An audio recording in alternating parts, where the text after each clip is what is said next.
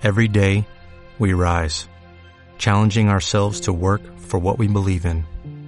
At U.S. Border Patrol, protecting our borders is more than a job. It's a calling.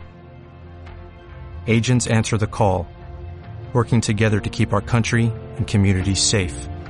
If you're ready for a new mission, join U.S. Border Patrol and go beyond. Learn more at cbp.gov/careers. Molt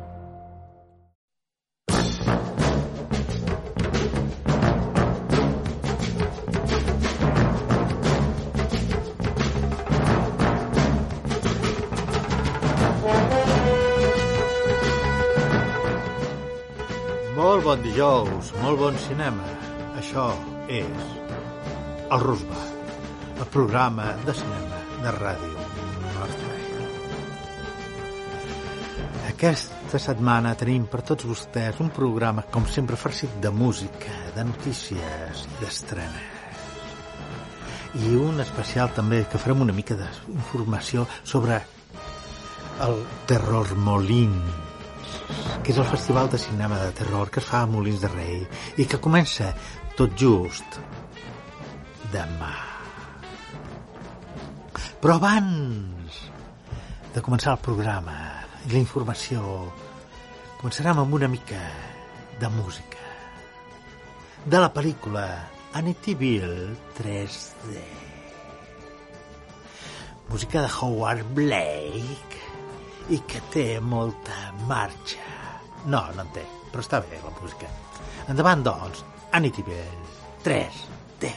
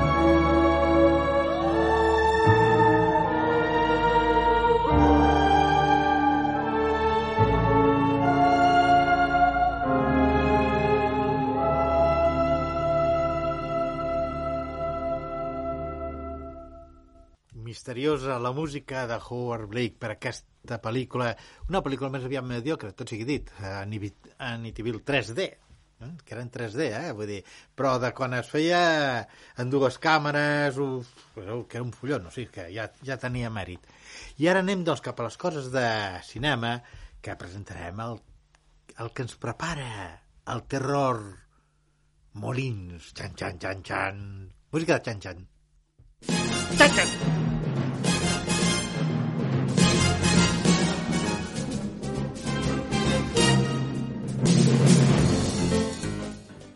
Doncs molt bé. Demà, sí, demà. Demà és dia 5 perquè avui és dia 4 i demà és divendres, clar, perquè avui és dijous. Sí, senyor, demà comença el Terror Molins a la seva 47a edició. I ja després de la quarantena, és un acudit, eh? la quarantena, la pandèmia, no, no, no sé si ho heu pillat, no? No, 40 anys, va, tant és, és igual. És la crisi dels 40, que em ve en retard. Ah, bé, eh, el certamen s'inaugurarà amb els films VHS 94, que bé, jo he vist l'1 i el 2, però no he vist els altres 92. Ah, no, espera, que és l'any de l'any 94. És que situa, situa la, la, la, les cintes de l'any 94. Això ja és una altra cosa. I després, un curtmetratge, Night of the Living Dicks, o sigui, és la nit de les titoles vivents, així, dit en plata. Sí, és un curvatratge, eh? O sigui, és, és això. Doncs bé, d'acabar VHS 94, doncs és una pel·lícula per episodis dirigit per diferents eh, directors, però eh, que al, en el pròleg veiem un, un grup de suats, no, que no són uns tios que no es dutxen, no, no, eh, de suats són aquests americans de, com els homes de Harrison, el SWAT, que, que, que, de, que en una operació així ultrasecreta descobreixen un, un grapat de cintes de vídeo que, que són eh, la, mostra, la prova d'un estrany culte sinistre i cada una de les cintes explicarà una història terrorífica més terrorífica que si l'Albert Serra se n'hagués anat a fer una pel·lícula a Suècia.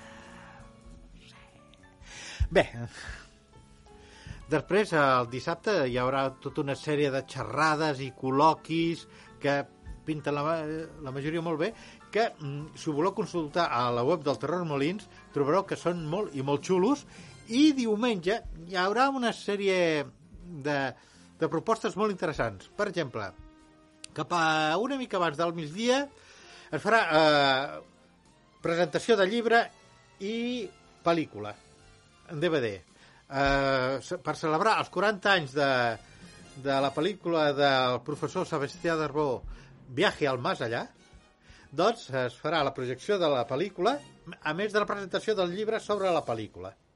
Eh, sí, serà una xerrada distesa amb aquest home que sap parlar molt, que és un paio molt savi, i la pel·lícula està realment molt i molt bé. I després eh, farà la projecció de La dama del fantaterror, un documental sobre algunes de les muses del cinema de, de terror d'aquest país dels anys 60, 70 i 80, perquè als anys 60, encara que no sapigueu, nens, hi havia pel·lícules de terror, i als 70 també, fetes aquí, sí, sí, sí fetes aquí. No, aquí no, a l'estudi no, sinó uh, per Barcelona, per, per, i així, no? I a la tarda es projectarà la pel·lícula The Medium, de Bjorn Pisangzankun, és que és tailandès, per això es diu així. És un, la pel·lícula és un fals documental eh, sobre xamans i possessions. És això, que, que, que un xaman ha fet un exorcisme, però la cosa no ha acabat de sortir, hi ha un equip que el filma i alguna cosa està passant i... Mm, por, por, por, por. I després eh, hi haurà un programa doble a la nit que la primera serà Dead Till Dead eh, sobre unes llaunes que empaiten uns nois per reciclar-los. Ho juro, va d'això. I després Spice Boys, que és un film rus sobre un acomiadament de solter que se'n va de les mans i acaba que s'hi fiquen allà psicòpates assassins, éssers sobrenaturals i tota classe de coses. En fi, els russos per això estan molt locos, oi? Sí, és que val la pena veure-ho, vull dir. Després, eh, dilluns tindrem Agnes i The Other Side. El primer, Agnes, és un film sobre possessions diabòliques a un convent de monges. És no només sobre la possessió al convent, sinó les repercussions que té a l'exterior, tot això. I l'altre, The Other Side, és un film suec sobre un matrimoni que va viure a una casa i quan la dona es queda sola doncs sent uns sorolls estranys que venen d'un racó deshabitat de la casa. I a més, el nen, el fill, eh, ha fet un nou amic invisible. Mm. Ah, ah, ah, ah. Després, l'endemà, dimarts, tindrem The Amusement Park, de George Romero, que és una pel·lícula perduda seva i que s'ha recuperat i ara que va circulant per tots els, uh, els festivals aguts i per haver. La pel·lícula ens, ens parla d'un ancià, que està un, un home gran, que està en un parc d'atraccions. I aquest parc d'atraccions esdevé una paràbola sobre la seva vida actual, sobre la seva fragilitat, sobre el que li pot passar, sobre el moment que passa amb el menjar, en fi, tot. Eh, un, és que la pel·lícula era, va ser un encàrrec i la, després es va perdre. En fi, la cosa és una pel·lícula així una mica estranya, diuen. I després eh, faran When I Consume You eh, que és una pel·lícula sobre una parella de germans que des de petits han cuidat l'un de l'altre. Però ara ja són grans i cada un fa la seva vida, aquestes coses que passen, i mentre el germà té una carrera professional meteòrica, eh, eh, eh, doncs ella aspira a tenir un fill i... però ves per on? Alguna cosa es cola per aquí. Perquè hi ha un estrany assetjador que pot acabar amb els somnis d'ells i destruir-los a tots plegats una pel·lícula... En fi, un, un, pel·lícules... Com podeu veure, són pel·lícules més aviat petites, la majoria, però és un, un, un, un festival aquest, el de Molins de Rei, molt pur, des del meu punt de vista. Vull dir, que podrien haver agafat una pel·lícula que multipremiada i que ja tingui dues o que ja tingui una distribució assegurada i que fer-lo servir. Però no, ells han preferit doncs anar burxant per aquí, per aquestes coses menudetes que, que excepte a, a, alguna que ja anirà directament, que s'estrenarà i així, però normalment totes són en vista a no poder-se estrenar i a ser vista només en festivals. I això és un mèrit com una catedral per a aquests bons senyors. I ara, doncs, seguim amb una mica de música de terror, però una música així amb, amb cosa així clinc, clinc, clinc, no? Vull dir, uh, a vosaltres us agraden el soroll de les cadenes quan es desen... quan s'enganxen en la pell amb ganxos? Dic, o els de les pianoles desafinades? Si us agraden, doncs aquesta peça és ideal per vosaltres. Comença fluixet, però es va desmadrant de mica en mica, no? És, és de la pel·lícula Hellraiser. La música és de, de Christopher Young, un compositor, al meu parer, oblidat i que és un gran compositor i que, bé, Hellraiser és una pel·lícula que va fer època. De fet, ja va tenir... Em sembla que van per les 6 o 7 seqüeles i es prepara una sèrie de televisió. Ojo, eh? Així que, endavant, doncs, Hellraiser. Escolteu les cadenetes i el piano. Ting, ting, ting, ting.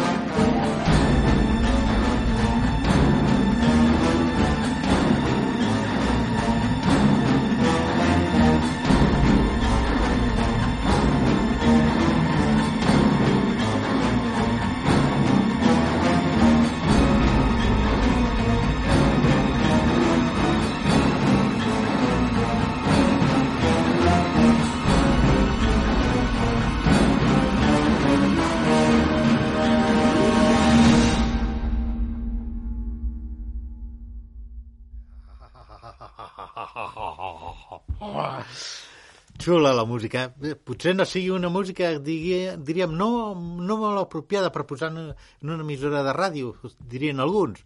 Però que carai, que hi ha d'haver de tot a la vida, no? no?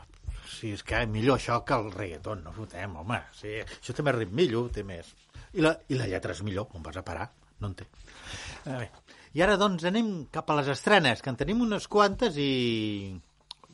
i, unes quantes, quantes, eh? Vull dir, que déu-n'hi-do, eh? Endavant, doncs, les estrenes. Ja.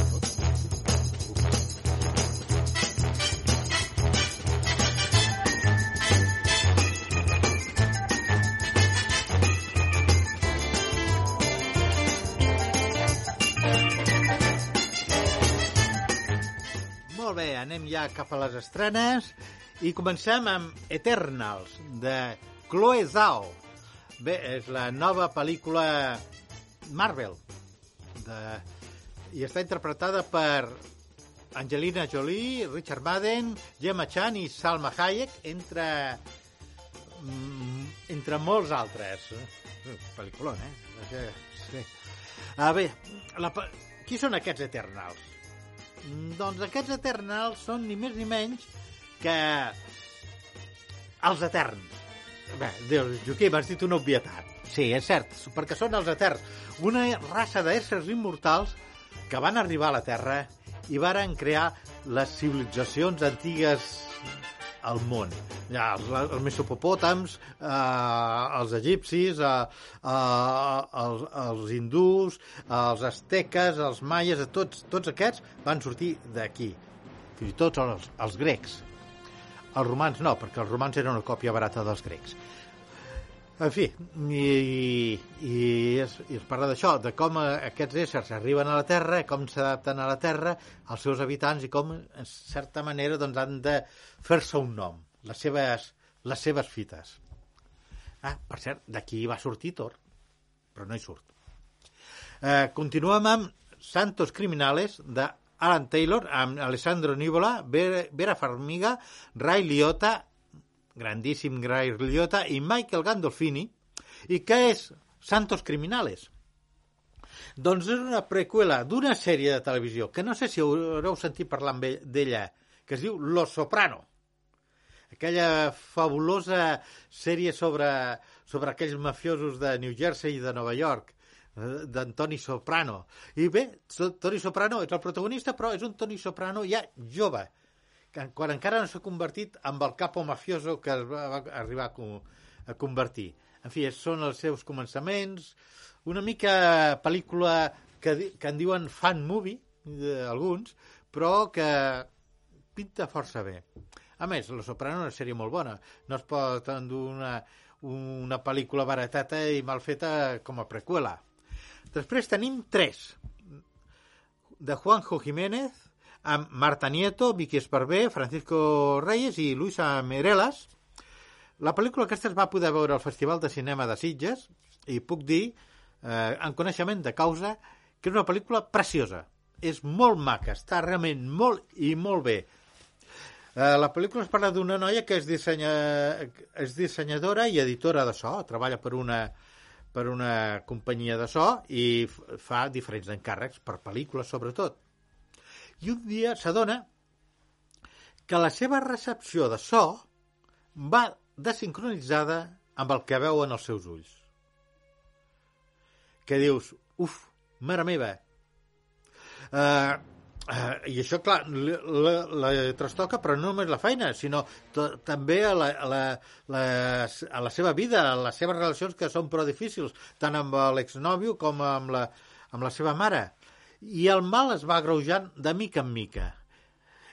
Però hi ha un company que es fa còmplice del seu mal, per dir-ho d'alguna manera, i l'ajuda tant com pot. I l'ajuda a aconseguir la cordura i a treure-li un somriure és realment un film molt maco amb una trama que no es queda pas amb l'anècdota, sinó que va molt més enllà i fins i tot té petits apunts poètics realment molt agradables. La pel·lícula, per cert, es va endur el Premi Melier d'Argent, el millor llargmetratge de Sitges, que aquest eh, Premi Melier d'Argent és un premi que es dona a nivell europeu, la millor, el millor llargmetratge. O sigui, que mm, teniu una bona pel·lícula. Després tenim La ruleta de la fortuna i la fantasia, de Ryusuke Hamaguchi, pel·lícula japonesa sobre vides creuades. La pel·lícula està eh, feta en tres parts i eh, cada, cada part eh, engloba diferents històries en el seu desenvolupament. Inici, desenvolupament i final. I són històries de dones que, que ens expliquen les seves decisions i els seus errors, els seus somnis i les decepcions, la vida, l'amor, la passió, tot, i com ho comencen, com i com ho acaben i com ho porten endavant. El, dius, Joaquim, això val la pena? Doncs mireu, aquest tipus de pel·lícules, de, a, a part de que valen la pena, són molt necessàries per treure'ns del cap de vegades tantes explosions i tant mirar-nos al malic. En fi. Després tenim una pel·lícula familiar. Ui, quina por. Sí, perquè a més em sembla que és Alemanya, eh? És Alemanya. Familiar i Alemanya. Mal rotllo, eh? El lobo i el león de Gilles Manstre amb Molly Kunz i Graham Greene i la pel·lícula ens parla d'una pianista de 20 anys que torna a casa de, de la seva infància i amagats en un tronc troba uns cadells. Un és de llop i l'altre és de lleó, que estan allà amagadets tots dos i que, espantats. Eh, ella, doncs, els, els, els veu i els adopta, se'ls queda. I tots tres viuen tranquils, i mentre creixen els animals, el que passa és que es va creant una, una mena de vincle entre tots tres, un vincle inseparable, sobretot entre el, el llop i el lleó. Però un dia els descobreixen i el lleó és enviat a un circ i el llop se'l queda uns científics. Cosa que a mi em trastoca eh, en una època en què els circs ja no tenen animals, per què carai l'envien a un circ? No ho sé, jo no ho pillo, això, eh? Vull dir, no ho pillo. Uh, uh, uh, però veus per on que el llop eh, sent la, crida, la crida de la família i s'escapa dels científics per anar a buscar el lleó. En fi, com podeu veure, és una pel·lícula carregada de molt bones intencions eh, i que d'aquestes de, per portar la família a plorar directament. Mama, que se me cago en el llop, una cosa, dius, mare meva. Després tenim Josefina, de Javier Marco, amb la sempre encantadora Emma Suárez, Roberto Álamo, Miguel Bernarnau, Pedro Casablanc i Simón Andreu. I aquesta és una història, una història d'amor. Un funcionari d'una presó femenina veu com cada diumenge una dona ve a visitar la seva filla, que està presa allà. I un dia ell vol parlar-li, però no s'atreveix i finalment es decideix a parlar amb ella i no sap encara per què carai es fa passar per al pare d'una de les preses, una que es diu Josefina, que és inventat tot. Uh, llavors uh, uh, fan amics, tenen una relació i, clar, la dona i l'home tenen un buit tan gran vital dintre que aquestes trobades doncs els omplirà una mica la vida. Una així de... una història d'amor, no? a la casa dels famosos. No, és una història molt... Bé, a la presó ara hi ha famosos, o sigui, és que... Eh, després tenim una nova adaptació de l'obra de Noel Coward, Un espíritu burlón, dirigida aquest cop per Edward Hall, amb Emilia Fox, Dan Stevens, Isla Fisher, eh, Leslie Mann i Judy Deng. Eh, la pel·lícula està inspirada en l'obra de Noel Coward, eh, del mateix títol, i que ens parla, el situa als anys 40, un escriptor es troba sense inspiració i la seva dona diu eh, escolta, noi, que faré una venir aquí una medium per celebrar una sessió d'espiritisme. Diu, doncs vale, sí, no? Al començament no li fa massa gràcia, però després diu, mira, potser podré treure alguna cosa d'això, no? I vaja si en treu, perquè a la sessió d'espiritisme la mèdium invoca l'esperit de la seva difunta esposa i que la difunta esposa no se'n vol anar de la casa. I no només això, es vol endur el marit.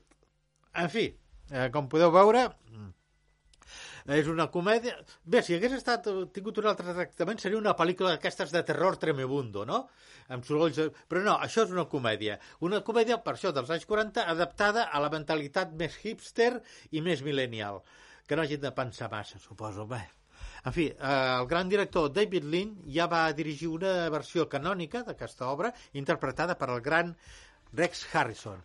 Després tenim Alerta Roja, de Ra Ram Rawson Marshall Thurber amb Dwayne La Roca Johnson, Gal Gadot, sempre encantadora, i Ryan Reynolds, en què una d'aquestes històries per Netflix, que s'estrena també al cinema, que dos, dos criminals molt buscats eh, i a més eh, rivals uneixen el millor gent de la FBI per culpa d'un robatori molt temerari que sortim malament i els tres personatges la liaran allà on vagin.